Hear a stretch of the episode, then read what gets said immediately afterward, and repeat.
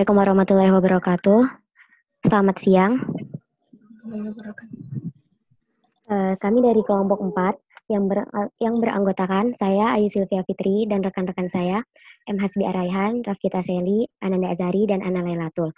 Di sini kami akan mempresentasikan uh, proyek kami yang berjudul Pemurnian Air Limbah Batik dengan metode gabungan filtrasi sederhana dan elektrokoagulasi dengan menggunakan elektroda ALFE.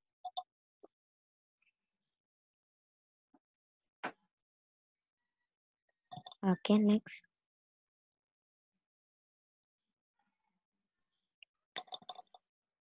Uh, sebelumnya saya akan menjelaskan mengenai tentang limbah batik. Nah, tujuan dari uh, proyek yang telah kami lakukan ini yang pertama adalah untuk menentukan perubahan warna limbah batik sebelum dan sesudah dilakukan filtrasi sederhana. Yang kedua, menentukan perubahan warna limbah batik dengan metode elektrokoagulasi plat ALFE dengan variasi waktu 15, 30, 45, dan 60 menit. Nah, jadi sekarang ini industri tekstil sering kali menimbulkan pencemaran bagi lingkungan. Contohnya seperti limbah batik. Nah, jika tidak dilakukan penanganan khusus untuk memisahkan kandungan berbahaya dalam limbah batik, maka dapat menyebabkan pencemaran lingkungan yang lebih membahayakannya lagi dapat membahayakan kesehatan masyarakat di sekitarnya. Limbah batik hasil industri ini sebenarnya dapat mudah kita kenali karena warnanya. Limbah zat warna yang ada di dalam uh, industri tekstil ini biasanya dihasilkan uh, oleh senyawa bat, senya, oleh senyawa organik non biodegradable. Zat warna ini mengandung senyawa organik gugus kromofor terkonjugasi. Misalnya, remazol black B, senyawa remazol red, dan golden yellow. Senyawa-senyawa ini sebenarnya cukup stabil dan sulit untuk terdegradasi di alam, sehingga berbahaya bagi lingkungan sekitarnya. Selanjutnya, saya akan menjelaskan tentang Remazole Brilliant Blue R atau RBBR. Eh, RBBR ini merupakan zat pewarna yang mengandung gugus fungsi kromofor dan gugus auxokrom yang mana gugus ini berfungsi sebagai zat pembawa warna dan zat pengikat warna dalam industri batik.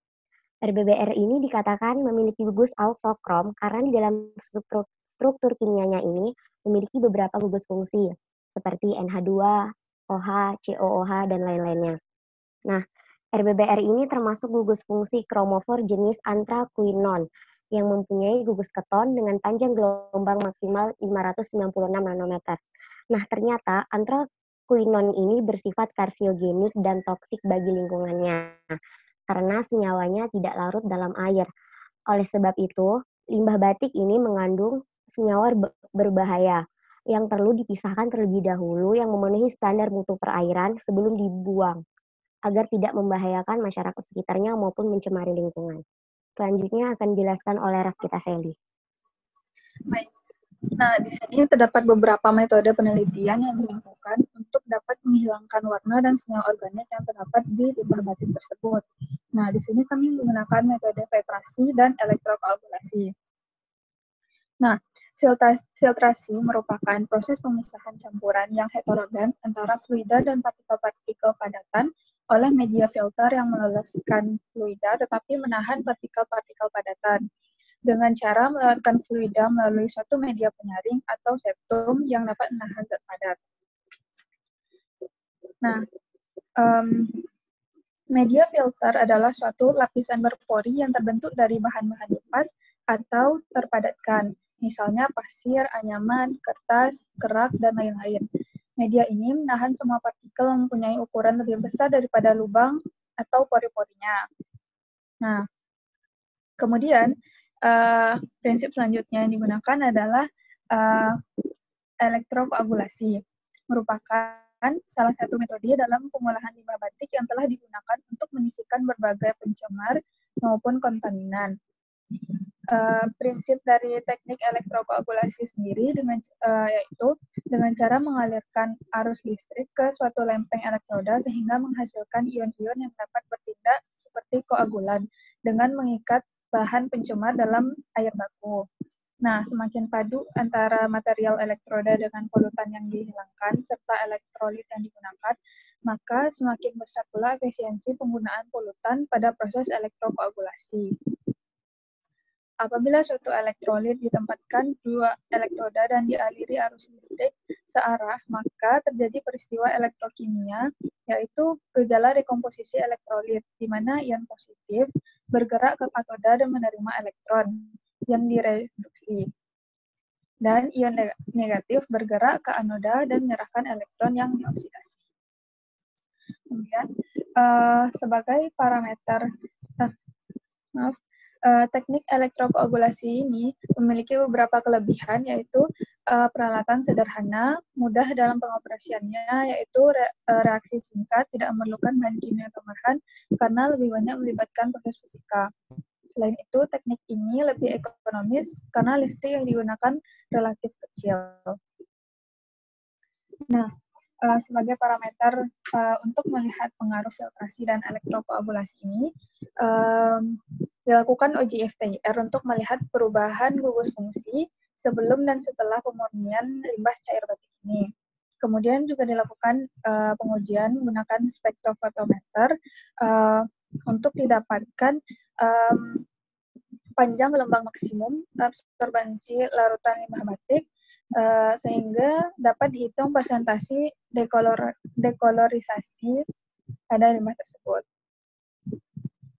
Nah, parameter lain yang digunakan adalah uh, melihat uh, bagaimana uh, nilai TSS pada limbah setelah dimurnikan. TSS merupakan tingkat pencemaran air dan derajat kekotoran air yang menunjukkan adanya zat padat yang dapat terlihat dari kepekatan limbah. Selanjutnya akan dijelaskan oleh Ana.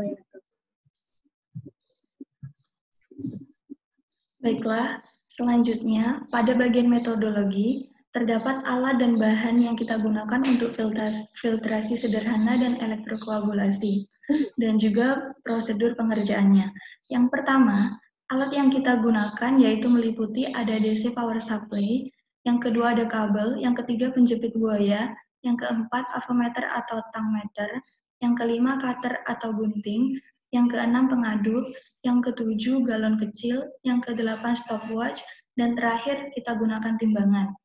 Dan bahan yang kita gunakan yaitu ada kapas, kerikil, pasir pantai, serabut kelapa, karang, batu koral, spons, bak, gelas, plas gelas plastik bekas, plat FE, plat AL, pewarna baju. Pewarna baju yang kita gunakan adalah Wantex biru tua dan kertas saring, air, garam dapur, dan juga tawas. Selanjutnya akan dijelaskan prosedur pengerjaannya oleh saudari Nanda. Ya, baik. Saya akan menjelaskan mengenai uh, metode proses pembuatan alat filtrasinya. Nah, yang pertama-tama kita akan menyiapkan galon bekas, kemudian kita siapkan alat alat dan bahan yang sudah tersedia dengan urutan dari bawah sampai ke atas itu yaitu kapas, kedua pasir kuarsa atau pasir pantai, ketiga serabut kelapa, kemudian ada kerikil, arang, batu koral dan paling atas itu ada spons. Nah kemudian sebel, uh, sesudah alat itu alat filtrasi itu di uh, sudah tersusun, kita bilas dulu alat filtrasinya dengan air mengalir selama 5 menit. Uh, tujuan tujuannya ini uh, untuk menyaring semua kotoran-kotoran yang terdapat di pada media filtrasi yang setelah kita susun sebelumnya.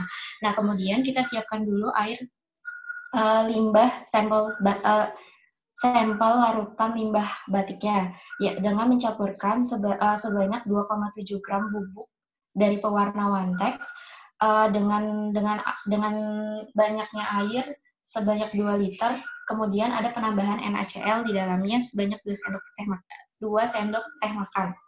Nah, kemudian barulah uh, larutan yang sudah disiapkan itu diaduk secara merata, kemudian dimasukkan ke dalam alat filtrasinya tersebut. Kemudian didapatkan uh, hasil filtrasi uh, sebanyak dua kali, sebanyak ya sebanyak dua kali dan dilihat perubahan warnanya. Jadi yang pertama itu ada sampel uh, sampelnya kan warnanya biru pekat. Kemudian setelah hasil filtrasi itu kita mendapatkan hasil yang lebih terang dibanding sebelum warna sebelumnya. Nah, kemudian dalam prosedur elektrokoagulasi kita rangkai dulu alat uh, alat elektrokoagulasinya. Nah, terdiri dari power supply, kemudian plat ZN dan AL-nya masing-masing disambungkan ke, uh, ke dalam jepit buaya, kemudian dimasukkan ke dalam larutan sampel. Nah, di sini larutan sampel yang digunakan dalam proses elektrokoagulasi itu kurang lebih 500 mili. Nah, kemudian kita atur tegangannya sebesar 5 volt dan kuat arusnya uh, sebesar 2 ampere. Lalu elektrodanya dimasukkan ke dalam larutan, kemudian kita uh, kita lakukan percobaan elektrokoagulasinya dengan variasi waktu yang berbeda, yaitu 15 menit, 30 menit, 45 menit, dan 60 menit. Setelah itu, uh, keluarlah hasil. Nah, selanjutnya pembahasan dan hasil dan pembahasan akan dibahas oleh Haski. Ya, baik. Uh, saya akan menjelaskan bagian hasil dari metode pertama, yaitu metode filtrasi. Jadi, kami di sini menggunakan metode filtrasi untuk melihat uh, uji kualitatif dari hasil uh, pemurnian limbah batik tersebut. Apakah sebelum dan sesudahnya ada perbedaan atau tidak. Nah, kami ini karena keterbatasan tempat dan juga waktu, maka kami tidak sempat untuk melakukan uh, percobaannya secara bersama-sama. Namun, uh, saudara Nanda uh, telah mengusahakan untuk melakukannya di, di rumah. Dan uh, ini adalah hasil yang kami dapat dari percobaan yang telah Anda lakukan. Jadi, uh, saya juga ingin minta maaf, kami ingin, ingin minta maaf sebelumnya karena di, di slide sebelumnya ada kesalahan urutan dari uh, layer yang ada di filtrasinya dan juga ada kesalahan uh, tulis dari NaCl menjadi HCl. Jadi saya akan uh, menjelaskan dulu dari layer-layer yang ada dalam filtrasi termofiltrasi ini. Nah, yang paling bawah itu adalah kapas. Secara umum, kapas ini uh, yaitu untuk menyaring semua kotoran-kotoran yang halus dan juga menjadi dasar dari yang paling bawah dari alat filtrasi tersebut. Lalu yang kedua itu ada pasir kuarsa pasir kuarsa ini secara umum dia bisa mengurangi kadar Fe dan Mn, juga mengurangi proses pengkaratan pada besi. Lalu yang ketiga itu ada serabut kelapa, uh, gunanya itu untuk menyaring kotoran-kotoran juga, dan juga menahan lapisan yang ada di atasnya. Lalu ada kerikil, kerikil ini mengandung silika yang berguna sebagai celah agar air dapat mengalir, dan juga sebagai bahan penyaring dan membantu erosi O2. Lalu di tingkat selanjutnya ada arang. Arang ini berfungsi sebagai media pembunuh bakteri dan juga menghilangkan bau dan rasa pada air. Mengandung zat karbon yang tidak murni dan bisa mengurai zat padat atau kotoran tanpa menghilangkan nilai nutrisi pada air. Di atas arang ini ada batu koral. Uh, dia tuh sebagai uh, memberi celah pada yang agak besar gitu supaya air bisa mengalir. Dan yang paling atas ada spons. Spons ini adalah media penyaring pertama untuk memisahkan residu warna dari larutannya. Sehingga dia bisa larut sempurna. Dan juga di dalam prosedur kami ada menambahkan penambahan NaCl. NaCl ini berfungsi dalam proses filtrasi berperan sebagai elektrolit support yang mana memiliki DHL atau daya hantar listrik yang cukup tinggi. Harganya murah juga dan berfungsi untuk mempercepat pengikatan koloid. Jadi vlog-vlog oleh ion elektroda dan mampu menyisihkan logam pada air limbah.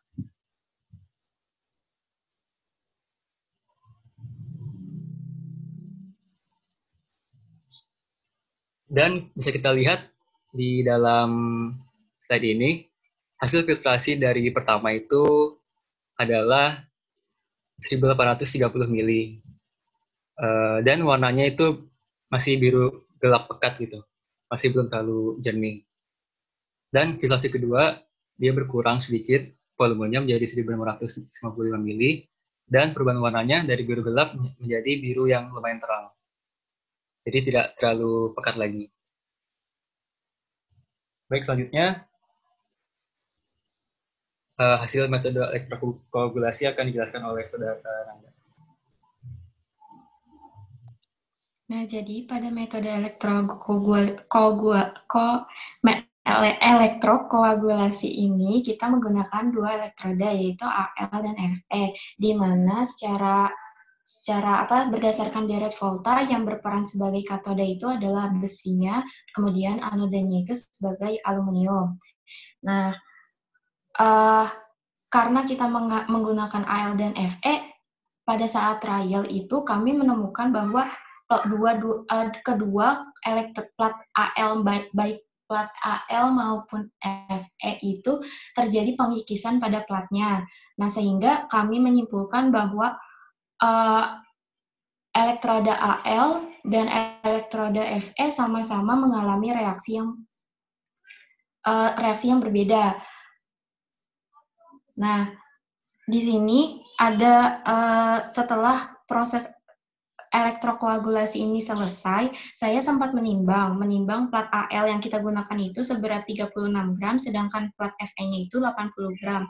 Di mana sesudah 60 menit itu, uh, pas setelah saya timbang lagi platnya itu uh, kita mendapatkan seberat 7,7 gram untuk plat AL, sedangkan plat FE-nya itu 10,85 gram. Nah, alat timbang yang saya gunakan ini adalah alat timbang uh, timbangan buat untuk mengukur terigu. Jadi ada kemungkinan uh, gala terbesar itu berada pada timbangannya karena kita tidak bisa uh, menimbang secara presisi dengan menggunakan neraca analitik. Kemudian di sini juga ada beberapa uh, hasil kualitatif berdasarkan variasi waktu, di mana uh, perlakuan pada saat 15 menit itu yang tadinya dia biru gelap kemudian uh, biru gelap mulai terjadi uh, sedikit reaksi gelembung um, apa ada sedikit gelembung di sekitar elektrodanya tetapi tidak menimbulkan endapan ataupun uh, perubahan warna yang signifikan. Nah, pada saat 45 menit 30 menit ini, nah perubahan warna itu mulai terjadi yang tadinya biru gelap menjadi biru muda. Kemudian ter, mulailah terlihat terlihat sedikit banyak gelembung di, di sekitar elektrodanya dan uh, terjadi mulai terbentuk suatu endapan dan sedikit buih. Nah, di 45 di menit ke-45 endapan yang terbentuk itu juga uh, semakin banyak dan buih. Serta gelombang yang dihasilkan elektrodanya juga semakin banyak. Dan perubahan warnanya menjadi biru yang hampir uh, biru muda transparan Nah, di menit ke-60 kita mendapatkan warna yang slightly blue seperti warna saat pada saat, uh, yang hampir sama pada saat kita titrasi. Nah, kemudian di situ juga endapan yang semakin banyak. Nah, sebelum elektrokoagulasi ini juga di, uh, selesai, kita juga menambahkan tawas. Nah, tawas ini gunanya sebagai koagulan di mana koagulan ini untuk meng, apa ya, untuk membantu perbes, membesarkan endapan-endapan yang terjadi karena pada saat uh, ketika saya mengamati perubahan eh terbentuknya endapan itu endapannya menjadi uh, bertekstur seperti lumpur. Jadi penambahan koagulan itu uh, bertujuan untuk lebih memadatkan dari hasil vlog-vlog atau endapan-endapan yang dihasilkan selama proses elektrokoagulasi ini berlangsung. Nah, kemudian endapannya itu kita saring dengan menggunakan kertas saring, terus kemudian saya timbang. Nah, ketika saya timbang itu, uh, saya mendapatkan sekit, uh, endapan sekitar kurang lebih 12 gram. Nah, kemudian saya mencoba keringkan dengan dengan kipas dengan kipas. Nah, itu setelah kayak sedikit kering dan bertekstur, terus kemudian saya saya jemur juga di bawah panasnya matahari. Setelah bertekstur itu saya mendapatkan kurang lebih sekitar 5,8 gram dari hasil endapannya tersebut. Nah, berdasarkan jurnal yang kita ambil, uh, kita mendapatkan uji uh, dari endapan yang dihasilkan seharusnya kita uh, mengujikan kepa, menguji residunya ke dengan menggunakan alat spektrofotometer. Endapannya itu untuk dilakukan pengujian secara lebih lanjut menggunakan instrumen FTIR untuk menentukan persentase de, eh enggak untuk menentukan gugus fungsi apa sih yang terjadi sebelum dan sesudah elektrolisis gitu. Apakah si zat pewarnanya itu sudah sudah terpisah secara secara maksimal apa belum? Nah, kemudian sedangkan hasil filtratnya itu kita ujikan kepada alat spektrofotometer untuk mendapatkan presentasi deklorisasinya dan kadar COD di dalam larutan serta serta efisiensi elektroda AL dan elektroda F-nya. Nah, kemudian ada pun hasil yang digunakan, eh hasil yang didapatkan dari uji FTIR.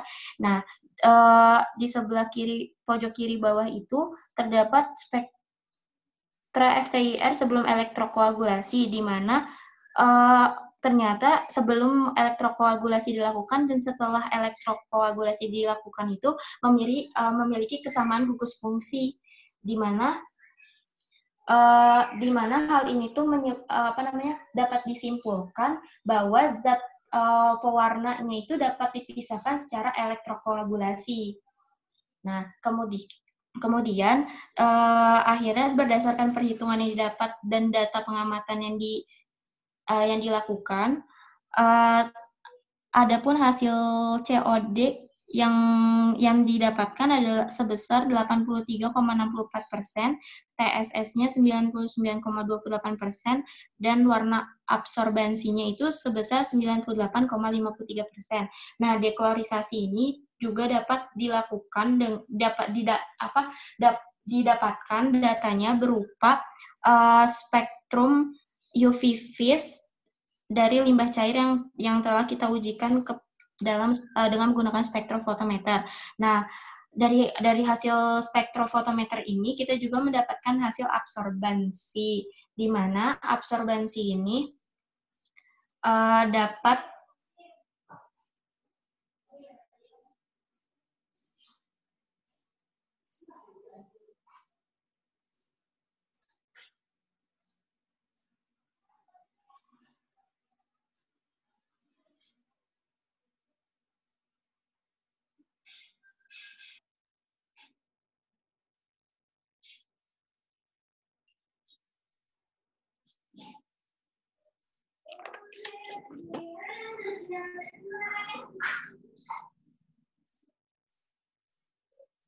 Halo? Ya. Oh. Dengaran? Maaf Bu, saya tadi kehilangan sinyal. Saya lanjut ya Bu. Nah, absorbensi ini kita bisa dalam uji kuantitatif yang tadi saya bilang, itu bisa menentukan COD, TSS, uh, dan kekeruhan air atau absorbensinya. Nah, kemudian dengan analisa kualitatif analisa kualitatif dari berdasarkan grafik UV vis-nya didapatkan gelombang maksimal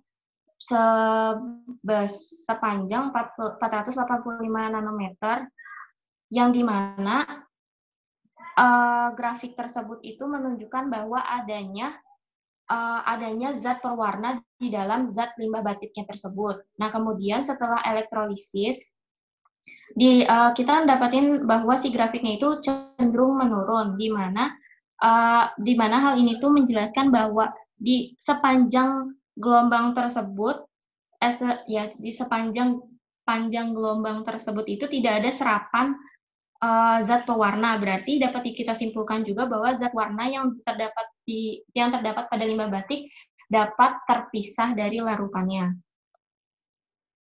Kemudian uh, bagian kesimpulan dapat dijelaskan oleh Ana Laylatul.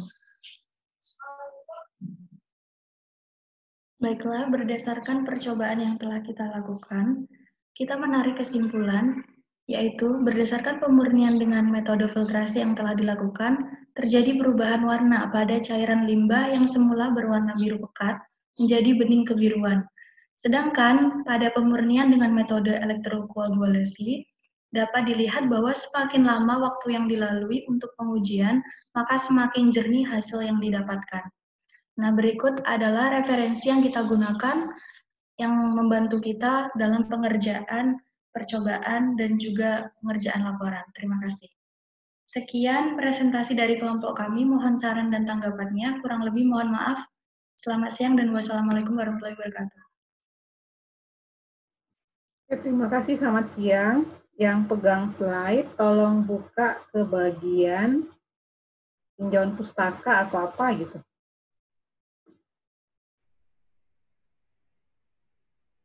Tinjauan pustaka kedua atau ketiga dari depan. Ya, baik. Slide kedua atau slide ketiga? Oke, duluan mungkin ya. Oke, di sini tadi ada diceritakan sebenarnya, ini kan menurut saya ya, mungkin lebih menarik kalau tampilkan struktur. Di sini cerita tentang remasol. Mungkin ada baiknya tampilkan struktur, kemudian mungkin tinggal disebutkan.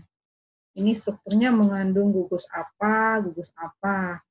Oke, sama halnya dengan elektrokoagulasi. Mungkin lebih menarik kalau ditunjukkan skema dari uh, bagan dari elektrokoagulasi tersebut. Misalnya katodanya itu ada di uh, siapa yang bertindak sebagai katoda, siapa yang bertindak sebagai anoda. Kemudian terangkan bahwa di elektrokoagulasi yang terjadi proses apa.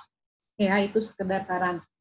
Kemudian uh, mau tanya, walaupun sebenarnya sudah pernah saya pernah sampaikan ke Nanda Oke, di one text itu sebenarnya ada senyawa apa saja yang kalian sudah cari melalui referensi? Silahkan di. Saya izin jawab ya, Bu. Jadi, uh, di dalam pewarna one text itu ada kesamaan yaitu senyawanya itu rodamin B. Nah, tapi ada juga beberapa uh, beberapa literatur yang mengatakan bahwa uh, sebagian besar itu bukan rodamin B tapi mengandung naftol.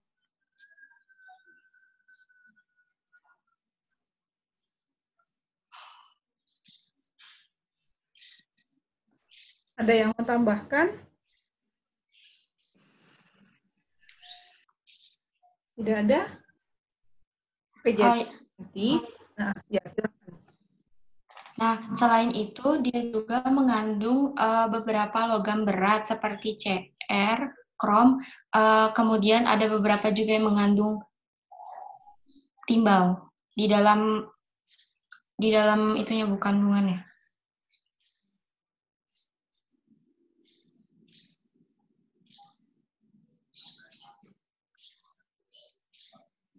Oke, jadi nanti dipastikan seperti yang saya sudah tugaskan, kalau model sam eh, model sampelnya itu one, itu tolong dicari tahu komposisinya. Oke, kemudian eh, pindah ke bagian slide berikutnya. Tolong next. Oke, ini di metodologi, ini kan sebenarnya sudah diusahakan oleh Nanda ya. Saran saya ya karena diusahakan ini sebenarnya kalian punya data. Tapi datanya itu justru minim. Jadi sebenarnya nih barang-barang yang misalnya nih alat nih yang penting sebenarnya ini seperti galon kecil perlu tidak tidak perlu. Pengaduk juga tidak perlu gunting juga tidak perlu. Jadi tampilkan yang penting saja tapi justru karena ini dikerjakan, maksudnya mengusahakan untuk mengerjakan dalam masa kampus ditutup. Nah, sebaiknya itu diterangkan dengan sedetailnya. Jadi, ada gambar ini tadi, tapi gambarnya cukup kecil. Ini kalau kalau dibesarkan ini lebih bagus ya. Nah, kemudian diterangkan karena nah ini mungkin ditandain di sini. Ini sebelum yang sebentar. Jadi mungkin di sini ditandain ini yang sebelum kan. Ini before, ini mungkin after kan. Nah, karena kalian mengusahakan, mencoba mengusahakan sampai selesai. Kemudian sama dengan misalnya katanya buat elektrokoagulasi. Mungkin di sini tampilin elektrokoagulasinya. Buatnya dalam apa? Mungkin foto mentahnya, foto aslinya, yang mana positif, yang mana negatif, kemudian ini larutan apa. Ya, karena kalian hmm. kalau kalian tidak buat ya mungkin ini ala kadarnya. Tapi ini agak kecil gambarnya. Justru tulisannya kecil gambarnya besar karena dibuat ya. Oke kemudian next slide. Data. Oke ini juga datanya cukup kecil. Jadi sebenarnya tadi yang disebutkan oleh Hasbi apa yang terjadi? Ini volume pasti berkurang. Karena kenapa volume berkurang Bu izin menjawab, karena pada saat filtrasi itu berlangsung, air uh, media-media yang medium yang ada di dalam alat filtrasi itu mampu menyerap airnya. Jadi kemu uh, ada kemungkinan beberapa volumenya itu terserap oleh medium ataupun tertinggal di dalam alat filtrasinya. Kayak misalnya spons. Spons itu kan memiliki daya daya serap air yang cukup banyak ya. Jadi kemungkinan kebanyakan itu terserap di spons. Kemudian kapas juga memiliki daya serap air yang cukup baik. Makanya volumenya yang dihasilkan akan berkurang seiring berapa kalinya kita melakukan filtrasi. Oke. Sekarang yang penting di sini sebenarnya apa? Apakah volumenya atau perubahan warnanya?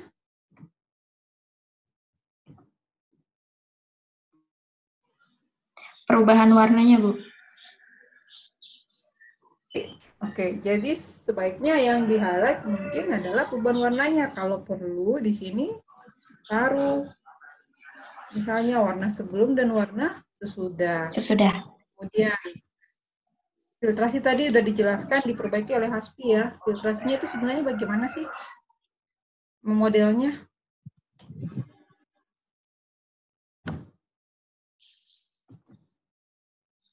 Pakai wadah, kemudian ditumpuk, atau gimana? Ini sebenarnya proses filtrasi dulu, satu filtrasi, kemudian satu itu filtrasi. Kedua apa? Uh, jadi ini jawab Bu. Jadi pertama Oke, tuh kami uh, rencananya kan filtrasi dulu. Jadi dari hasil filtrasi tersebut hasilnya itu baru di elektrokoagulasi gitu. Jadi kita melihat bagaimana perubahan warnanya dari sebelum filtrasi dengan setelah filtrasi. Uh,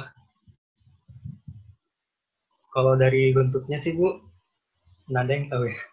Tapi kalau kata Nanda sih, dia bikinnya pakai uh, galon kecil gitu ya, yang atau botol yang satu liter yang gede gitu, terus dipotong setengah, terus baru diisi pakai bahan-bahan untuk alat filtrasinya itu kayak kapas, uh, batu arang, kerikil, pasir dan lain-lain. Uh, bentar Bu, saya juga ada ada mekanismenya. Bentar ya. Sebenarnya Bu, uh, galon itu sebagai media aja sih Bu. Kayak sebenarnya kita tuh uh, apa alat filtrasinya sama kayak alat filtrasi sederhana aja. Jadi ditumpuk aja. Jadi kayak paling dasar itu kapas, kemudian uh, ditumpuk lagi di atasnya itu pasir kuarsa, terus serabut apa kerikil, serabut kelapa, arang, baru ada batu koral sama paling atas itu spons. Uh, kami punya ini bu uh, apa gambar desain nah. desain apa namanya desain desain alat filtrasinya. Jadi saya uh, kayaknya Hasbi uh. Hasbinya akan uh, kita ganti share kontennya jadi share konten gambar dulu bu. Boleh. Nah, jadi ada baiknya itu karena kalian kerjakan, jadi bisa kelihatan. Saya bisa percaya kalau memang ini dikerjakan. Jadi tunjukin ini perlu, yang ini perlu. Misalnya ini data pendukung, misalnya data FTIR. Cuma kan yang skemanya, yang bagannya itu sebaiknya ada. Jadi saya tahu, tadi slide break sebelumnya ada sih cuma tidak tergambar oleh saya karena dibilang elektrokoagulasi, tapi tadi pakainya besi, kemudian pakainya apa tadi? Plat besi dengan apa? Dengan aluminium. Nah, plat AL. Jadi pertama buat skemanya. Jadi buat skemanya dulu. Oke, buat skemanya setelah itu tunjukin foto yang aslinya seperti apa. Oke, silakan Asli kalau mau ditunjukkan.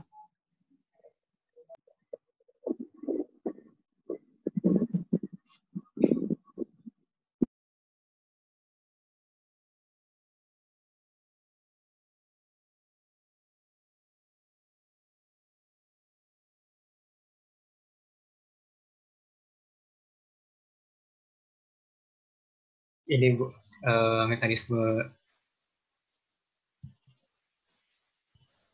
percobaannya.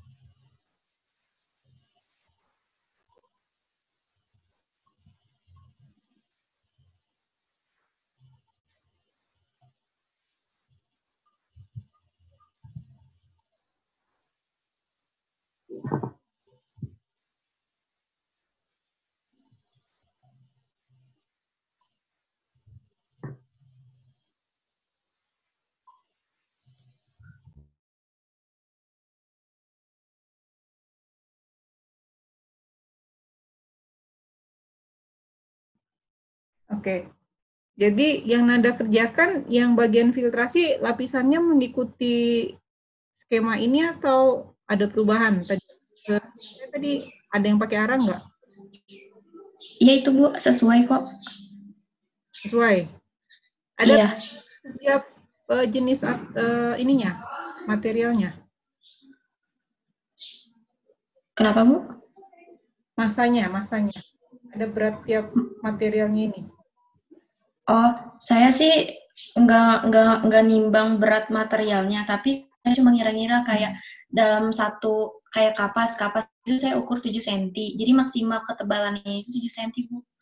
Jadi sisanya Setiap kalau misalnya material. kayak arang ya kayak eh, kalau apa namanya permukaannya itu yang lebih lebih lebih kecil eh, saya buatnya 7 cm. Cuman kalau misalnya dia memiliki luas penampang yang lebih besar, biasanya saya cuma naruh 5 cm atau 3 cm aja, Bu. Arangnya arang apa kalau boleh tahu? Dibeli jadi atau gimana? Eh, beli jadi, Bu. Oke. Kalau plat besinya pakai apa? Plat besinya saya eh, kemarin tuh sempat trial kan dua kali ya Bu. Nah yang pertama itu saya beli di eh, online shop. Nah yang satu lagi itu platnya eh, karena platnya itu udah habis, jadi saya menggunakan itu besi bekas. Apa paku besi bekas? Bekasnya itu di amplas dulu atau gimana? Iya diamplas dulu supaya apa bagian yang yang apa yang kayak sedikit berkaratnya itu hilang. Yang aluminium pakai apa? Kenapa Bu? Aluminium, plat aluminium pakai apa? Eh, beli plat di online shop Bu. Hmm. Yang volume di sini diukur nggak? Tawa- Volume yang Bahkan pada saat pada saat elektrokoagulasi Bu. Eh, saya itu ngambil dari ini aja kan hasil fil- filtrasi sederhananya. Nah, saya ambil sekitar 500 mili aja, Bu. Jadi nggak saya lakukan pengenceran lagi. Jadi yang dari sini, dari hasil filtrasi ini masuk ke sini. Iya, langsung masuk ke elektrokoagulasinya. Oke. Apa yang terjadi selama proses elektrokoagulasi di sini? Eh, terjadi endapan, kemudian ada se- ya terjadi endapan, kemudian ada ada gelombang, ada gelembung gas yang dihasilkan Hmm. dari anodanya, terus kemudian ada sedikit busa-busa yang eh, yang dia tuh naik ke atas permukaan. Hmm. Kemudian perubahan warna. Perubahan warna. Iya, Eh, Dari sini ke sini warnanya bagaimana? dari Dari yang kan sini. nah pada dari dari filtrasi, Bu. Nah, yang dari filtrasi itu kan awalnya warnanya pekat gelap banget ya, Bu. Nah, saya tuh ngelakuin filtrasi itu hampir sekitar dua kali. Nah, dua kali itu warnanya kan jadi agak lebih lebih terang gitu kan, Bu. Jadi nggak warna biru biru gelap. Warnanya tuh kayak biru hampir biru biru langit tapi agak gelapan lagi biru muda lah ya. Kalau misalnya kita warna warna krayon, Bu. Nah, biru muda. Hmm. Nah, pada saat elektrokoagulasi kan saya ngelakuinnya selama satu jam kan. Nah, di situ tuh ada perubahan-perubahan, pokoknya pas 30 menit itu, eh, itu udah benar-benar kayak kelihatan bahwa udah hampir mau jadi transparan gitu, Bu, tapi warnanya masih biru muda.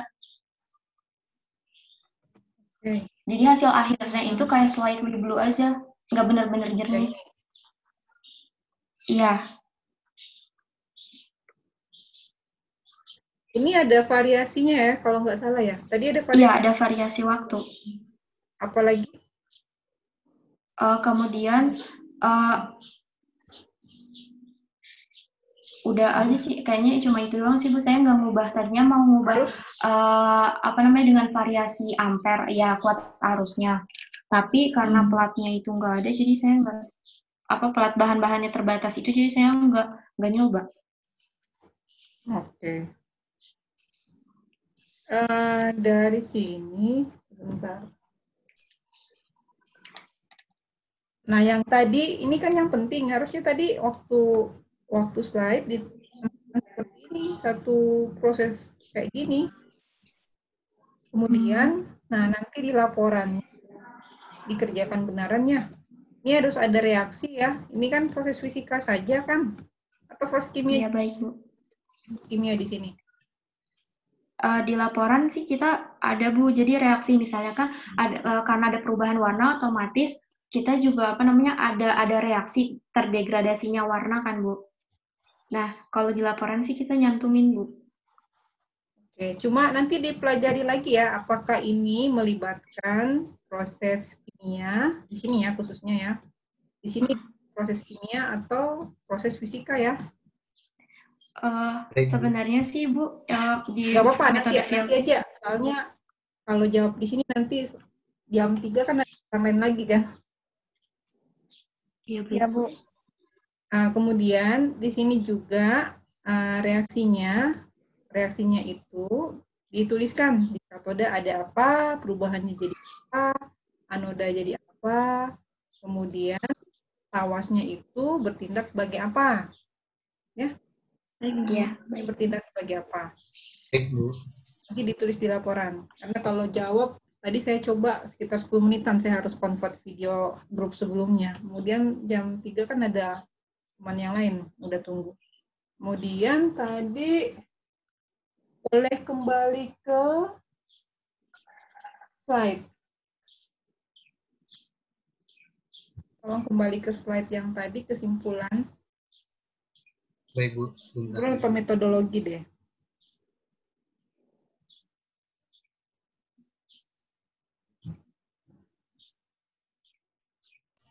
Kesimpulan ya, Bu? Oke, oke. Di sini dulu. Oke, tadi ada data. Ini jangan lupa ditunjukkan hasilnya. Tadi warna yang real atau yang real. Black apa pun fotonya itu silakan dipakai. Kemudian ini apa nih? Kecil banget. Konsentrasi CR. Oh, ini ambil data orang lain ya.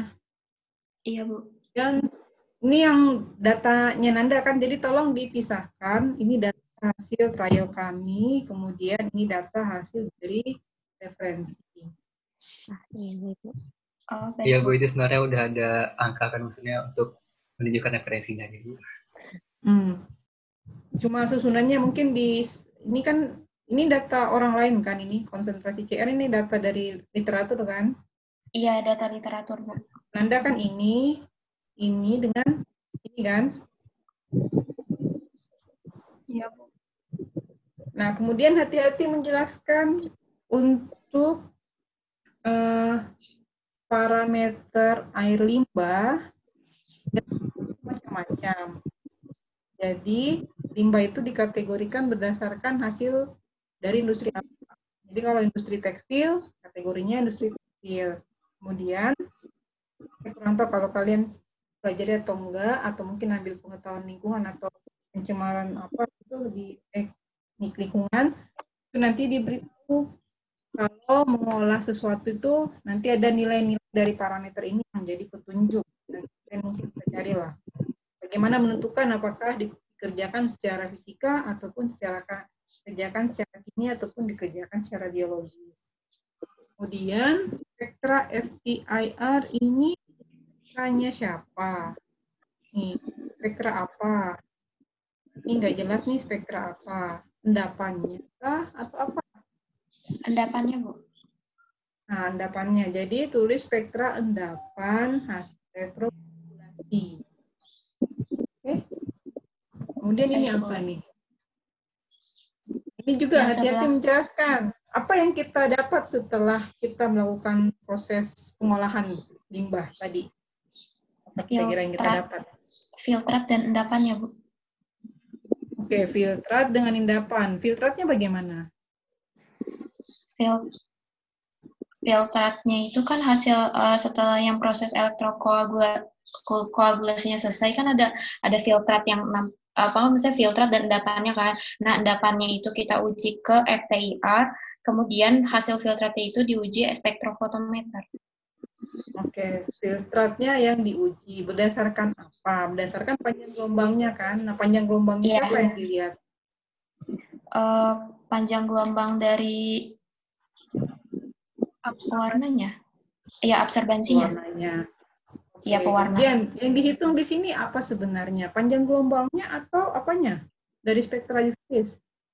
kita bisa uh, panjang panjang gelombangnya sama konsentrasi dari konsentrasi dari COD-nya, Bu. Oke, benar nih panjang gelombangnya. Eh. Tadi kan pertanyaannya dari dari panjang gelombang pewarna tadi. Nah, sekarang yang keluar itu apa nanti dan kelihatan. Oke, butuh konsentrasi, tapi sebelum oh. konsentrasi kan uh, eh, UV vis tidak mengeluarkan konsentrasi. Iya, tapi absorbansi yang keluar. Ya, absorbansi. Jadi dihitung absorbansinya, kemudian dikonvert ke konsentrasi. Oke, kesimpulan terakhir. Kesimpulan tolong, next. Yang pegang slide. Yang pegang slide, oke, kesimpulan. Oke, tujuan tadi apa? Tujuannya tadi, tadi tujuan apa? Tujuannya tadi menentukan pengaruh filtrasi terhadap cairan. Oke, jadi sesuaikan ya.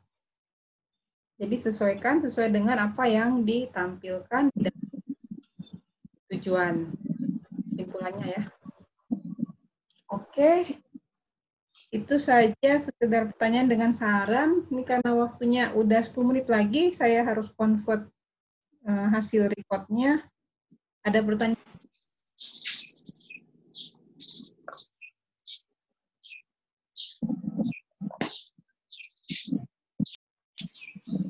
Uh, Bu, saya ingin bertanya, Bu. Oke, okay, cepat. Uh, jadi kan yang tujuannya itu kan hanya yang kualitatif aja, Bu. Tapi kan yang kita uh, tunjukkan tadi di pembahasannya itu ada juga kayak data-data TR dan uh, absorbansinya juga. Nah itu apakah kita masukkan ke dalam laporan juga tuh? Boleh, silahkan disesuaikan dengan hasil yang diperoleh. Tapi yang data FTIR jangan dimasukkan ya, karena itu data orang lain. Hanya boleh dibahas saja. Silahkan. Ada lagi? Ya cukup kayaknya Bu. Tidak ada. Anggotanya semua lengkap ya? Satu, dua, lima orang ya? Ya, Bu. Iya, lengkap ya. Oke. Kalau tidak ada, saya harus akhiri karena jam 3 ada yang orang berikutnya. Terima kasih untuk partisipasinya. Selamat siang. Ya, selamat siang. Terima kasih.